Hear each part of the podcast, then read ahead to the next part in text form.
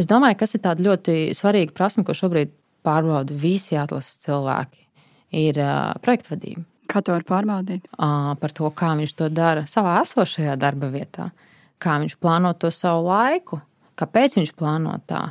Jo parasti ir tādi tā trīs jautājumi, ko es vienmēr uzdodu. Kāpēc? Kā varētu darīt savādāk? Un mini ciparus un piemērus. Mm -hmm. Un tas tev palīdz ļoti daudz ko saprast.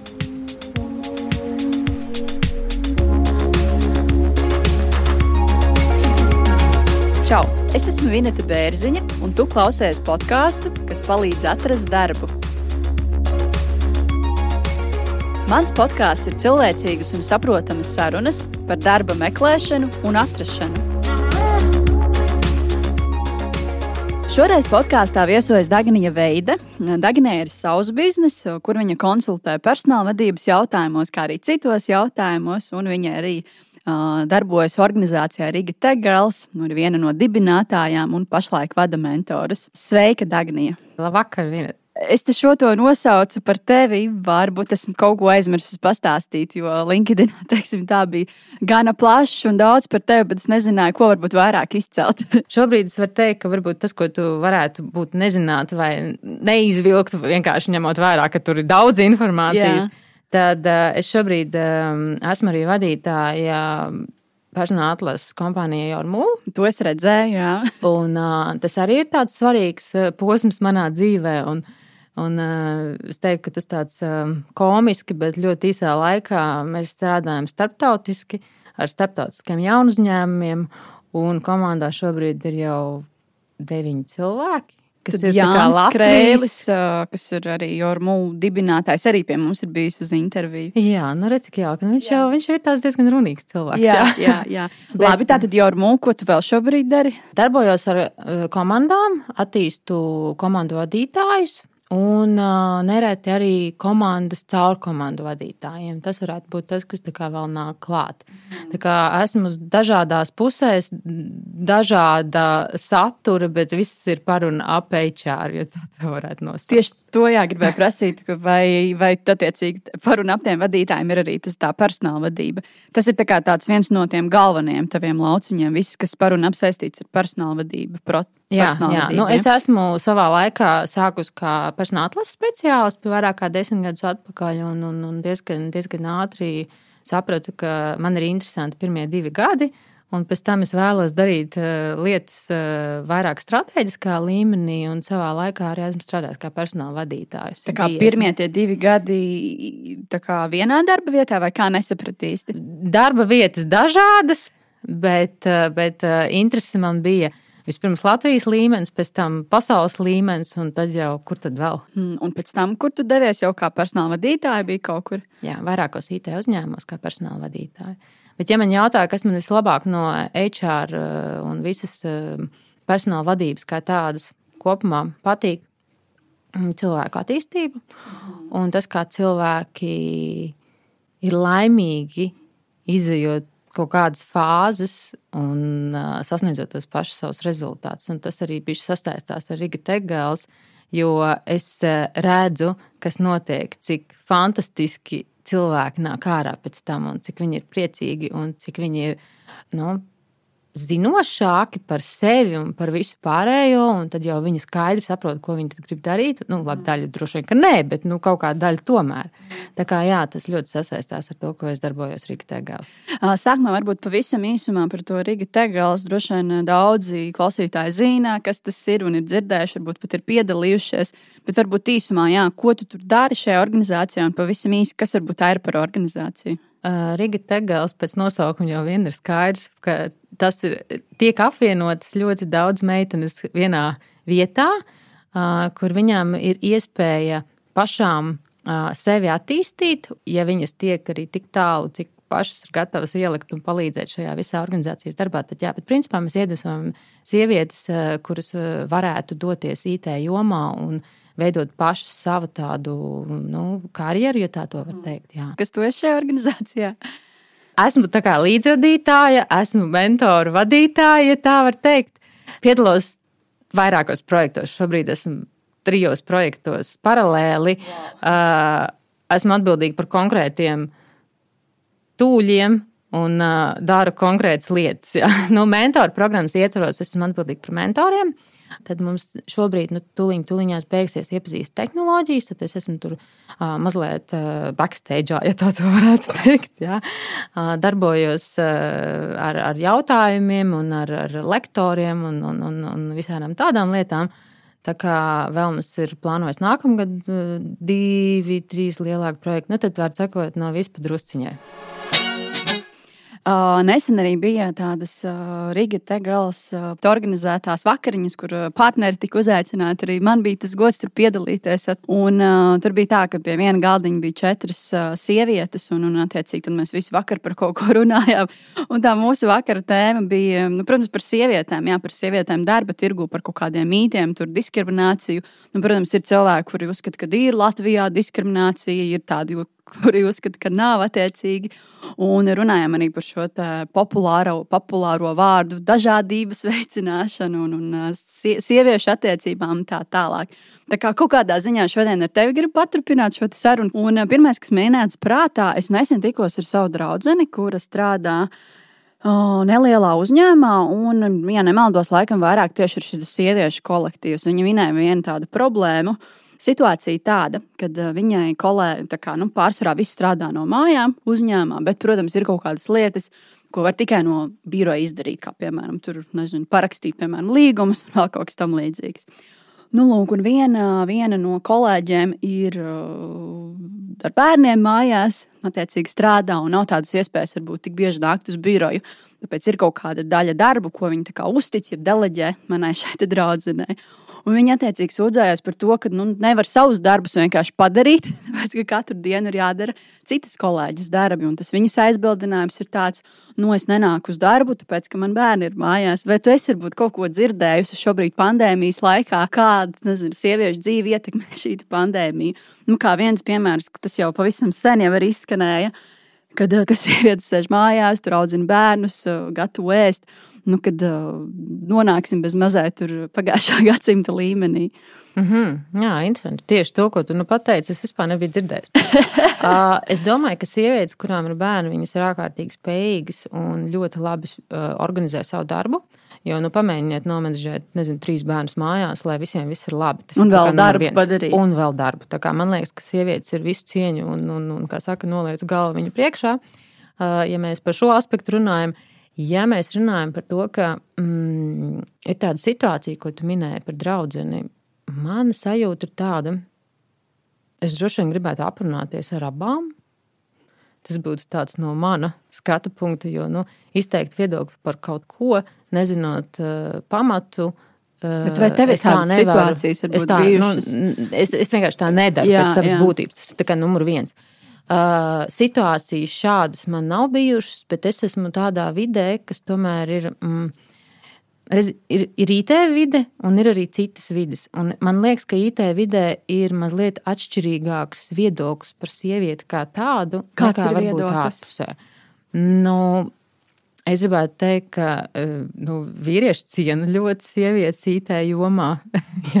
es domāju, ka arī ārpus šīs jomas ciena vīrieši sievietes un arī sievietes sievietes. Tā kā no tāda aspekta tam nevajadzētu būt nekādu jautājumu. Bet, uh, Tā ir tāda darba organizēšanas prasme, un varbūt atkarīgs no tā, kurā jomā, jo IT jomā vienkārši tās, tu esi spiests iemācīties. Mm -hmm. Vai šajā... organizēt, tāpēc es nevarētu Jā. teikt, ka nu, ir vienos vai otros vārtos, ka darām tā vai darām šeit. Vai tev ir bijusi kaut kāda situācija, nu, varbūt ne līdzīga, bet nu, kaut kas, varbūt, kas ir ietekmējis tevi attiecīgi kā darba devēju, vai darba meklētāju, vai kā personāla speciālistu, vai kā konsultanti? Pozitīvā lieta, ko es viennozīmīgi varu teikt, ka ir pavērties plašāks skats vadītājiem uz tādu ārpus Latvijas līmeni, kas man šķiet ir ļoti, ļoti labi jo tādā gadījumā nāk zināšanas no citām valstīm un kombinācijā ar mūsējām.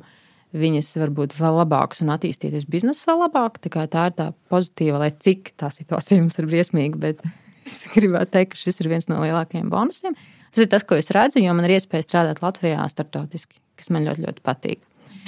Um, tāds tā kā Tā ir tā sarežģīts. pozitīva. Jā, jā tāpēc ir- tā ir tā pozitīvā lieta. Tas, ko es esmu ievērojis, bet tā bija tāda tendence arī pirms tam, ka cilvēki ir, ir divi varianti. Vai nu viņi strādā oficiālā, viņiem viss ir nodrošināts, un šobrīd viņi strādā mājās, un viņi vienkārši nekur citur nekur nevar aiziet. Līdz ar to viņi turpina strādāt. Jā. Un, ja cilvēkiem ļoti, ļoti patīk tas darbs, tad viņi viņos tā kā var iekrist. Un tad atkal ir darbs personāla vadītājiem. Jo tāpēc, ka tādā mirklī, kad cilvēks ir pārāk piesaistījies šim darbam, viņš neredz to atšķirību starp atpūtu un savu darbu. Mm -hmm. un, uh, nav runa, ka sekas var būt izdegšana, nav runa, ka sekas var būt uh, kaut kādas uh, problēmas ar plānošanu, darbu izdarīšanu, vēl kaut ko. Viņi pat var to izdarīt ļoti labi. Viņi var tiešām ar nenormālu jaudu strādāt, bet ilgtermiņā tas vienkārši nav veselīgi. Nu, tā ir tā lieta, ko es varu teikt, ka tu mazāk vari saprast, kā tam cilvēkam iet. Ja? Un mm -hmm. ir forši, ja ir komanda vadītāji, kas tiešām seko tam līdzi. Ir labi, ja viņi to um, sajūt, ja to tā var teikt, caur mītiņiem, kas ir zūmā. Ja? Tātad izdegšana ir viena no tām problēmām, kas varētu Es būt. nevaru šobrīd, teikt, ka tā ir izdegšana. Drīzāk tā ir overcommitment.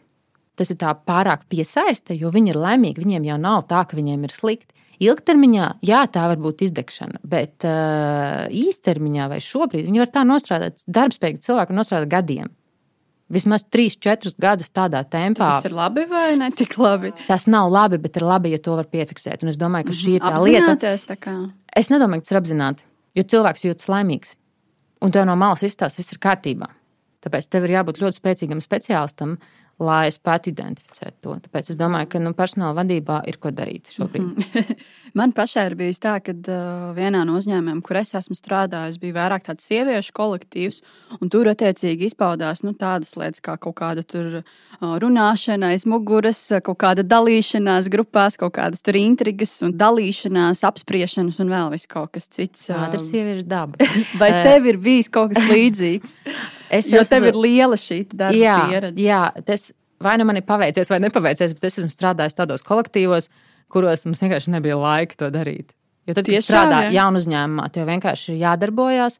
Ja tu strādā lielā uzņēmumā un ja tev ir ļoti liels ambīcijas, nav laika nodarboties ar citām lietām. Bet, ja man jautā, vai vajag strādāt sievietēm atsevišķi, vīriešiem atsevišķi, tad es viennozīmīgi varu teikt, ka sievietēm un vīriešiem ir jāstrādā kopā. Kopā, jā. Tāpēc, ka tas tandēms, kas veidojās ar sievietē, ar vīrieti, ir nenormāli foršs. Tas, tas rezultāts, kas iznāk ārā, jo sievietē ir viens prasmes un zināšanas, vīrietim ir mazliet citādāks, un tas kopā sanāk nenormāli labs rezultāts. Ja? Nav runa par projektu vadību, nav runa par programmēšanu, nav runa par kaut kādu konkrētu virzienu, bet es viennozīmīgi uzskatu, ka jauktie kolektīvi ir itī, itī forši. Šajās Tegrāls vakariņās, ko es iepriekš minēju, pie tā viena galdiņa, mēs runājam arī par šo tēmu. Uh, Piemēram, ļoti skaisti, jā, ka šajā organizācijā mēs viens otru atbalstam, attiecīgi sievietes mentorējam, sazinamies un veidojam šo kopienu. Bet ir arī šīs pretējās situācijas, kad sieviete, sieviete nevis atbalsta, bet tieši otrādi met tur sprunguļus ceļā. Viena un- ja? jā. Nē, nu ir, ir dzirdēts. Vai un, tev ir varbūt pašai tā bijis? Droši vien, ka cilvēki par mani runā. Bet Par par vai es tevi? par to klausos? Nē, nu, Jā. tas ir viss atkarīgs no tā, ko tu fokusējies. Protams, ka notiek sarunas, protams, ka notiek dalīšanās, un tādas lietas ir. Man liekas, ka pat dabisks, un varbūt ka pat kaut kādā fāzē, un kaut kādā mērā viņas ir vajadzīgas, jo sievietes ir emocionāls, viņām ir jāizrunājas. Jautājums, ko viņas ar to dara? Ja viņas to nospiež cilvēku, es uzskatu, ka tā nedrīkst notikt. Un īsnībā komandu vadītāji ļoti seko šim līdzi. Bet vai tev pašai ir bijusi varbūt tāda situācija, nezinu, kā vadītājai vai kā komandas spēlētājai? Nu, neatceros. Jo man ir bijuši fantastiskas, ļoti profesionāls komandas vadītāji. Visi. Un, kā vadītāja komanda vispār uzņēmumā ir bijusi ne tikai vienā, vai otrā, vai trešajā, bet visos, kuros esmu darbojusies, tā vienmēr ir bijis. Tagad strādājot freelancā, es varētu teikt, ka ir bijušas situācijas, kad tu satiec klientu, un klients domā, ka viņš zina visu. Un tajā brīdī, jo īstenībā, kad tu strādā in-house, tev ļoti uzticās principā personāla vadītājiem un tiem speciālistiem, kas, kas tajā jomā strādā, vadītāji tiešām uzticas. Un, un, protams, es nevaru teikt par visām jomām, bet vismaz tajā, kurā es esmu strādājusi. Kas tā bija ar šo klientu? Kas tā bija? Tie nav, tie nav tādi, kā saka, nav tāds viens gadījums, bet, bet pirmajā mirklī viņi uzskata, ka viņi zina visu. un tad tur viņiem sāc runāt, un tad viņi tā kā pēc kaut kāda laiciņa, ah, ir tur kāda cita ideja parādījusies, vispār varētu būt, ka no šādā rakursa var paskatīties. Nu, tad kā tu, tu saproti, ka tev pretīm ir cilvēks, kurš kaut ko zina vairāk, varbūt pat par tevi. Un vispār, ja IT jomā saka, ko tad vispār personāla daļa dara, droši vien, ka neko. Nu, tas, tas ir tas stereotips, kas liekas, un tad man liekas, Nu, jā, nu mēs tās astoņas vai desmit vai cik tur tās stundas darbojamies, nu tā kā pilnīgi neko nedaram. Ok, mm. nu tā. Tu klausies podkāstu pirms darba. Ja vēlaties pastāstīt savu personīgo pieredzi vai reklamēt kādu pakalpojumu, aicinu tevi ciemos. Kontaktinformācija epizodes aprakstos. Gribu arī nedaudz parunāt par šo dažādības veicināšanu, kas šobrīd ir tāds varbūt populārs vārds, tātad cilvēku iesaistīšana vai nu nodarbinātībā, vai nu izglītībā, neskatoties varbūt uz dzīvumu, tautību, vecumu, invaliditāti un tā tālāk. Varbūt jūs zināt kādus konkrētus Latvijā uzņēmumus, kuri reāli atbalsta dažādību nevien vārdos, bet arī darbos. Man tā kā ir galvā divi, divi piemēri, bet es, protams, neesmu ne tur strādājis, ne tur bijusi. Man nav nejausmas, vai tiešām tur tā ir. Bet runa ir par lieliem starptautiskiem uzņēmumiem. Jā, ne, nu, ja mēs runājam par tādu vienlīdzības principu, noteikti pirmais, kas, kas tiešām arī par to ir, liekas, runājis desmit gadus atpakaļ, tas ir Accenture. Mhm. Jā, man liekas, Varētu ka viņi par būt, to runāja jau pirms es sāku vispār savā laikā strādāt. No šī aspekta skatos, pilnīgi noteikti. Jā, bet es skatos, nu, man liekas, ka ir arī visi citi jaunie startupi. Arī tur neviens neskatās, vai tu esi tā, balts vai melns, vai zils vai zaļš, vai, vai tu esi sieviete vai vīrietis. Jā. Tam nav absolūti nekādas nozīmes. Ir svarīgs tas tavs rezultāts. Un, Es varu tikai minēt šo IT jomu, jo es nezinu, kā ir citos uzņēmumos. Jā, bet man šķiet, ka ļoti liela daļa Latvijas uzņēmumu iet uz to. Protams, ir kaut kāda stereotipa par to, ka tas un tas slikti strādā. Ja? Nu, es dzirdēju, ka cilvēki Āfrikā ir tāds linki un tā tālāk, un tāpēc es neņemu cilvēku no Āfrikas. Nu, atkarībā no tā, ko viņš zina. Jā, mm -hmm. Svarīgs jau ir tas saturs, kas tajā cilvēkā ir. Un varbūt tas viens cilvēks ir kaut kāds īpašs, un viņam ir tādas prasmes, kuras mums ir tieši vajadzīgas. Tad, jā, tu minēji šo, tad, ka ļoti svarīgi jā, darba devējiem vai personāla vadītājiem sajust, kā tur darbinieks jūtas vai nav pārstrādājies un tā tālāk. Bet kā varbūt darba devējs vai personāla vadītājs to var sajust, ja nu, pārsvarā šobrīd, kā mēs zinām, viss notiek attālināti? Nu, ir jau tādi dažādi mehānismi. Otrs ir, nu, ja tu ikdienā darbojies ar to cilvēku, tu zini, kas ir tās lietas, kas viņam labi padodas, un tu zini, kas viņam pietrūkst. Un uz ko man liekas ļoti daudz iekrīt. Nu, tādi, speciālisti un cilvēki, kas nav varbūt vadītāji, spēj savu darbu saorganizēt. Un tad, kad tev ir cilvēks, vadītājs attālināti, tad tev uzreiz rodas, kā ar ko man sākt, kā man tagad izdarīt. Mm. Un, ja tu esi tā kā vadītājs, tad nu tev ir jāsajūt tā sava komanda, tev ir jāsaprot, kas ir tās uh, lietas, uz kurām ir jāatbalsta vairāk. Tātad, ja tu zini, ka ir tie riski vai sarkanie punkti, tev uz viņiem ir vairāk jāfokusējas nekā uz to, tur, kas viņam, piemēram, padodas. Mhm. Ja? Tā kā, nu, eh, kāda ir reālā praksa? Es domāju, tur iet visu ņēgu ņēgu. es, es domāju, ka ir jāpaiet vēl laikam, lai varētu tā labi organizēt darbu attālināti. Jo es zinu, tiešām ir cilvēki, kas saka, jā, viss ir forši, mēs varam strādāt, un ir vadītāji, kuriem saka, nē, es nevaru strādāt ar komandu, kas ir. Un tur ir arī tāda vadītāju attīstība. Jā, ir, ir jāstrādā ar vadītājiem, lai viņi saprastu, ir kaut kādi nu, trigger punkti. Tad tur ir kaut kādi, kas te, ko tu vari ieteikt, ko darīt. Tā kā, nu, nav tāds viennozīmīgs, ka dari šādi, jā, un tad tev būs risinājums. Nu, tas ir atkarīgs no, no katra cilvēka. Jo mēs esam ārkārtīgi dažādi. Tā ir kā liekas, jā, vadītāji ir puiši ir tādi un tādi, sievietes tādas, tādas. Nu, ne, tā nu, protams. Tu minēji, ka personāla vadītājiem ļoti uzticās šie darba de devēja vadītāji. Bet nu, pēdējā teikt, gada pusotra laikā viss notiek attālināti. Darbinieki tiek pieņemti attālināti, arī personāla vadītāji un speciālisti tiek pieņemti attālināti. A kā šo uzticību kā var gūt, ja varbūt pat klātienē nav, nav, tik, nav ticies varbūt uzņēmuma vadītājs un šis personāla vadītājs? Nu, tādā Latvijas līmenī ja man sajūta, ka labi, ne šajā mirklī, bet lielā mērā tu vari satikt to cilvēku. Uh, kaut kur ārp, ār, nu, ārpus biroja. Jā, mm nu, mhm. vismaz vasarā. Es domāju, tā pieņemšana varbūt nav tāda. Uz kafejnīcu aiziet vienmēr. Jā, vai kaut kā. Ja nav biroja, ir tādi uzņēmumi, kuriem nav birojas. Nu, ir uzņēmumi, kur ņem pēc atsauksmēm. Atsauksmēm nevis tas, kas ir konkursā, bet atsauksmēm, ko saka jomas citi vadītāji. To es esmu redzējis īpaši jaunu uzņēmumiem. Mm. Viņi tur savā starpā sazvanās krustu šķērs. Ja? ja mēs runājam par lieliem uzņēmumiem, nu, ir jau tādi kā kritēriji, kur ir noteikti. Ja? Un, ja tu izēji cauri atlasē, nezinu, trīs cilvēkiem, trīs vadītājiem, nu, kaut kāds kopsavilkums būs, tad, tad līdz ar to es domāju, ka tur ir nu, baigi nošaut greizi arī nevarētu. Otrs, tu esi vadītājs, kurš strādā jau gadiem tajā jomā. Mm -hmm. Tas nozīmē, ka tev jau ir tāds uzasināts prāts, ja tā varētu teikt. Jā. Protams, es nezinu, kāda ir statistika šobrīd uz to, cik ir tie feili. jā, ja mēs tā runājam. Bet uh, es domāju, ka nu, tu. Nu, labi, tie var būt kaut kādi nu, nu, klasiski uzdevumi, ir tikšanās, nu, ne tikšanās, bet zūma. Um, varbūt ka kaut kādā situācijā tu kaut ko palaidi garām, jā, tā varētu būt. Bet tas viss atspoguļojas darbā. Un man liekas, ka nu, pāris mēnešu laikā tu vari ļoti labi saprast, vai tas cilvēks būs. Būs vai, vai nebūs. Varbūt agrāk skatījās uz to, nu, kāda tad tā saruna ir. Tad šobrīd uz reāli padarīt to darbu.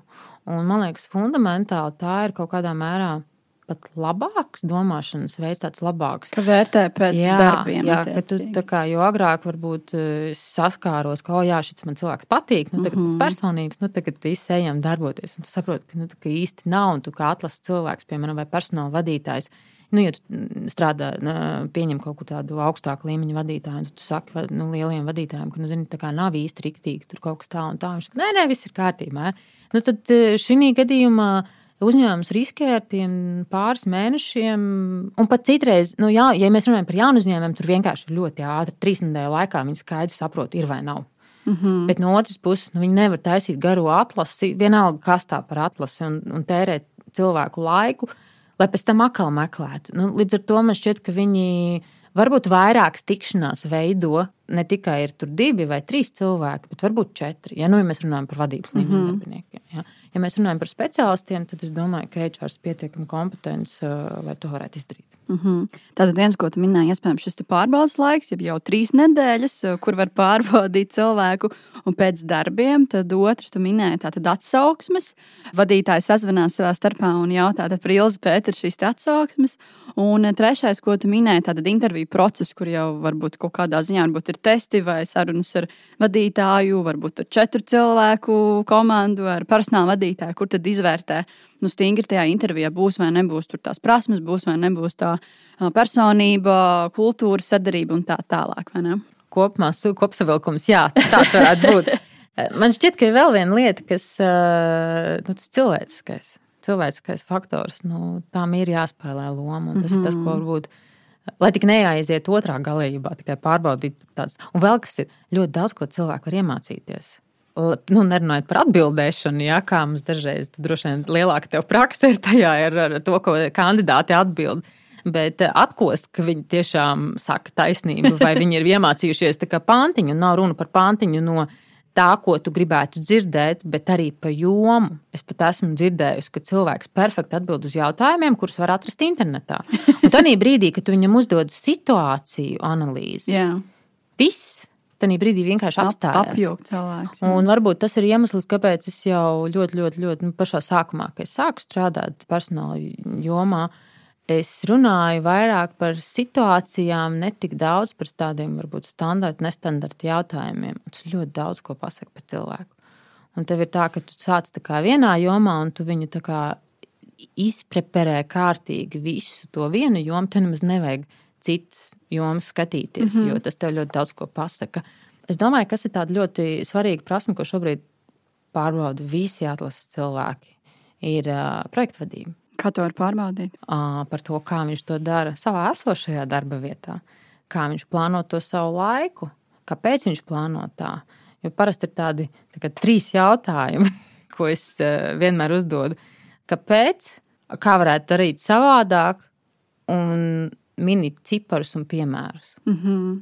Un tas tev palīdz ļoti daudz ko saprast. Gribās jā, arī par to Riga Tegāls pajautāt. Tev. Man vīrs vienreiz jautāja, es nezinu, ko viņam atbild.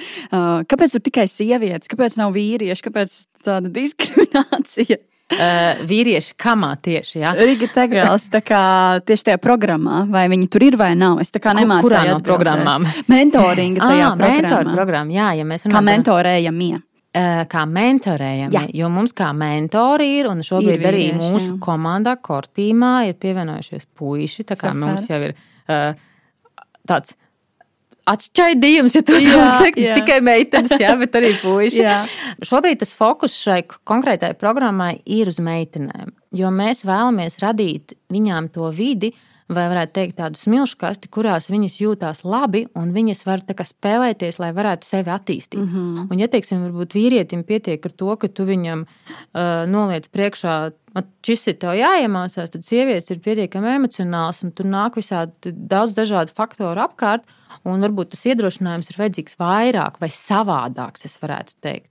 Un tā mirklī, kad tev ir tā vide, tās iespējas, tev ir iespējas kontaktēties, tīkloties ar tām citām meitenēm, tad uh, viņas ļoti strauji un ātri apgūst. Šobrīd ir tas fokus. Bet tur ir eh, tikai kā sievietes vai vīrieši? Arī? Jā, me, pašlaik ir tikai fokus tikai sievietes. uz meitenēm. Mm -hmm.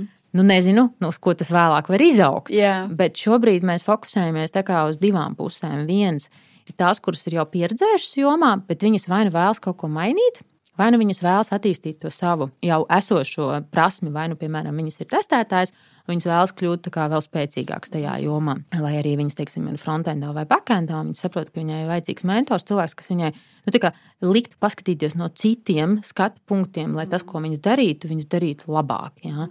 Un otrs ir eh, meitenes, kurš šajā jomā ir jaunas, viņas varbūt profesionāli nav jaunas, ja? no tāda aspekta, ka Viņas var būt nezinu, apdrošināšanā, vai bankās, vai finansēs, vai vēl kaut kur strādāt citos amatos, bet viņām ir tā sajūta, ka viņas gribētu IT jomā pārkāpt. Ja? Mm -hmm. nu, tā kā uh, divas plūsmas, un tieši tas pats mums ir ar mentoriem, ka ir jaunie mentori, kas kā, savā jomā ir speciālisti, bet viņi no men mentorēšana kā tādu nenodarbojās. Ja? Un tad ir tādi, kas ir spēcīgi, ja mums tur būs šāds sadalījums. Super. Tad, jā, varbūt kā šai programmai var pieteikties, un no kura datuma un kā pieteikties.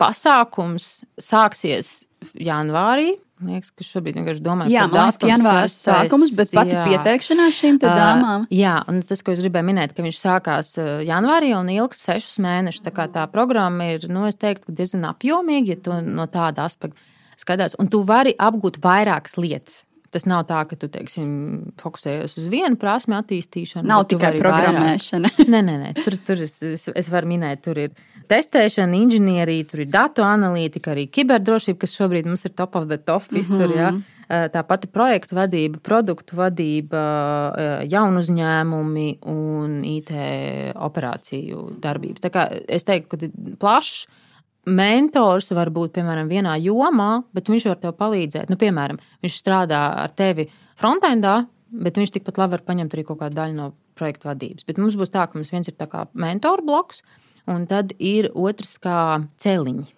Nu, piemēram, es Viņš vienkārši piemēram, es, sieviete, meitene, gribu pieteikties. Nu, piemēram, man tur testēšana interesē. Kas man tagad ir jādara? Kurus var pieteikties, kad es to varu izdarīt un kāda ir nosacījuma, lai es tur varētu tikt vispār? Pirmais no, nosacījums, sākšu ar nosacījumiem. Pirmais ir tā, ka tā kā jāsaprot un jāzina, ka tu vēlēsies tajā jomā. Mm -hmm. Kā to uzzināt? Nu, tur ir dažādi līdzekļi, pamēģināt sevi tā kā bišķītiņu papurināt, saprast, kas ir tās spēcīgās puses, kas ir tas, nu, kas varbūt mazāk padodas, ko tu gribētu. Otrs ir paskatīties, pamācīties, palasīt par to jomu, runāt ar karjeras konsultantiem, jā, piemēram, ar tevi arī var parunāties, arī dažreiz ar mani var parunāties jā, šajā jomā, lai saprastu, ka nu, tas virziens būs tā kā Var gadīties, ka tu izvēlēsies vienu virzienu, bet pēc tam viņš to pa, nu, pamainās uh, ne šīs mentoru programmas ietvaros. Ja tu izvēlējies vienu, tev ir jāaiziet. Tad, nu, tā gluži nolikt. Nu, tad, tad, tad ir jautājums, kāpēc? Kāpēc tu izvēlējies šo, kāpēc tu ne tā rūpīgi padomāji? Ja? Bet tas ir kā, nu, viens, viens aspekts. Otrs, kad ir tā pieteikšanās, būs no 1. novembra, divas nedēļas. Tā kā tas būtu divas nedēļas, var tad pieteikties. Jā, tā tad mm. pieteikšanās ir līdz šim 15. Nu, un tad mēs skatīsimies, kuru mentoru var katrai meitenei iedot, vai kādam pulciņam no meitenēm. Jo var gadīties, ka var taisīt grupas, un, un otrs, ka var arī individuāli. Jo ar ko ir jārēķinās? Nu, tas būs tāds ļoti gruntīgs darbs, un uh, viņš nebūs īss un vienkāršs. Nerunājot par to, ka ir seši mēneši, bet tas minimālais ir, ka jātiekās reizi mēnesī ar šo mentoru. Mm -hmm. nu, jo, nu, tad, ja netieks vispār, tad tā nav jēga. Yeah. bet, bet pārsvarā nu, es varu teikt, ka man bija divas meitenes pagājušajā gadā. Viņas vēlējās uh, tikties uh, reizi nedēļā vai reizi divās nedēļās. Nu, tad ir jārēķinās, ka nu, pašai tās būs nu, stunda, nu, varbūt divas, ja tev vēl kaut kas jāpagatavo. Tas nozīmē, ka tev ir jārēķinās ar to laiku, ka tu esi gatavs yeah. ieguldīt yeah. to laiku. Jo, ja tu neesi gatavs ieguldīt to laiku, tad labāk vispār nevajag mm -hmm. par to mhm. domāt. Tad jābūt gatavam ieguldīt savu laiku. Man ir jābūt sievietei, un man, ir, man jau jābūt izpratnē aptuveni, kas ir tas celiņš, joma, piemēram, IT projektu vadība, uh, biznesa datu analītika, vai piemēram, testēšana, vai kas cits, vai vēl kaut kas, vai tikai šīs trīs lietas. Ja tās būtu tās, man liekas, pamatlietas, pamatlietas ar, ar kurām vajadzētu sākt. Bet īstenībā vajadzētu pasakot līdzi Riga Tegālas mājaslapā un arī Facebook grupā. Tur, tur sekos arī informācija, kur būs plašāk. Nu, tur, tur, protams, es par visiem kritērijiem pat droši vien negribētu runāt, bet lielā mērā tie ir arī tie, kas ir svarīgi. Otrs ir, uh, Nu, nepietiks ar to, ka jūs ejat mentoru programmā, un nepietiks ar to, ka jūs ejat, ja, piemēram, ir jaunas meitenes šajā jomā, vispār kā IT jomā, tad viņas parasti visticamāk izvēlēsies arī celiņus, ko paralēli mācīsies. Ja. Celiņi tie ir tiešām, nezinu, projekta vadība, frontends, kur tev reāli lasa lekcijas. Ar to nepietiks. Ko tas nozīmē? Tas nozīmē to, ka tev ir vismaz jāpadomā, kur tu varēsi atrast laiku, lai pati mācītos un pati meklētu. Mm -hmm. Tas ir arī svarīgi, to, jo tas, tā joma ir jāizzina. Un, ja man jautā, cik ilgā laikā vispār cilvēks var apgūt konkrēto virzienu IT jomā, es teiktu, ne mazāk kā pusgads. Nu, es arī teiktu, ka vismaz pusgads. Protams, tas ir ļoti optimistiski, jā, un es gribētu teikt, ka paiet gads un tu kaut ko jau sāc saprast mm. no tās jomas. Tas Jā. nozīmē, to, ka, ja tu paralēli šim darbam, nu, es saku, nu, nu, tur ir tādas nu, trīs, četras. Varbūt 5 stundas nedēļā. Jautājums, vai tu vari viņas atrast? Labi, es varbūt esmu tāda ļoti konkrēta un varbūt stingra par to, ka man gribas redzēt meitenes, kuras tiešām ir motivētas un kuras grib to darīt, un kuras tiešām ir gatavas ieguldīt to darbu. Nevis uh, es atnācu paklausīties, un ritīgi forši.